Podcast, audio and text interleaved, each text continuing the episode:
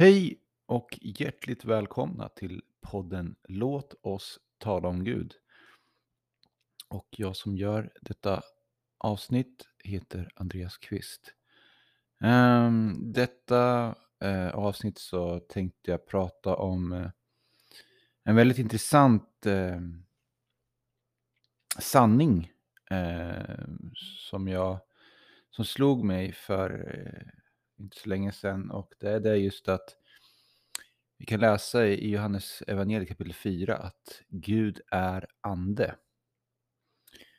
Och det står också sedan i första Korintierbrevet kapitel 13, eh, jag menar kapitel 15, vers 45, att Jesus blev en livgivande ande. Så nu är frågan om, eh, om nu Gud är ande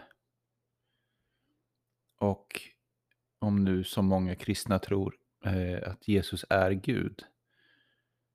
Eh, hur kan det då stå i första Korinthierbrevet kapitel 15, vers 45 att Jesus blev en livgivande ande?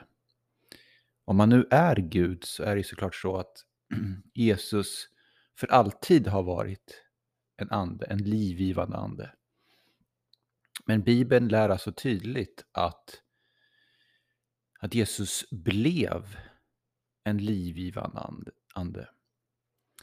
Eh, så jag ställer den här frågan till eh, er som tror på treenigheten.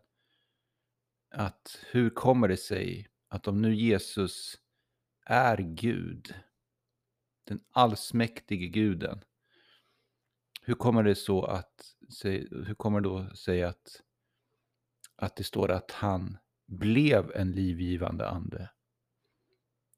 Eh, så jag ställer den här frågan och eh, tycker det är någonting man verkligen ska ta sig och fundera över om man, är, om man nu tror på treenigheten.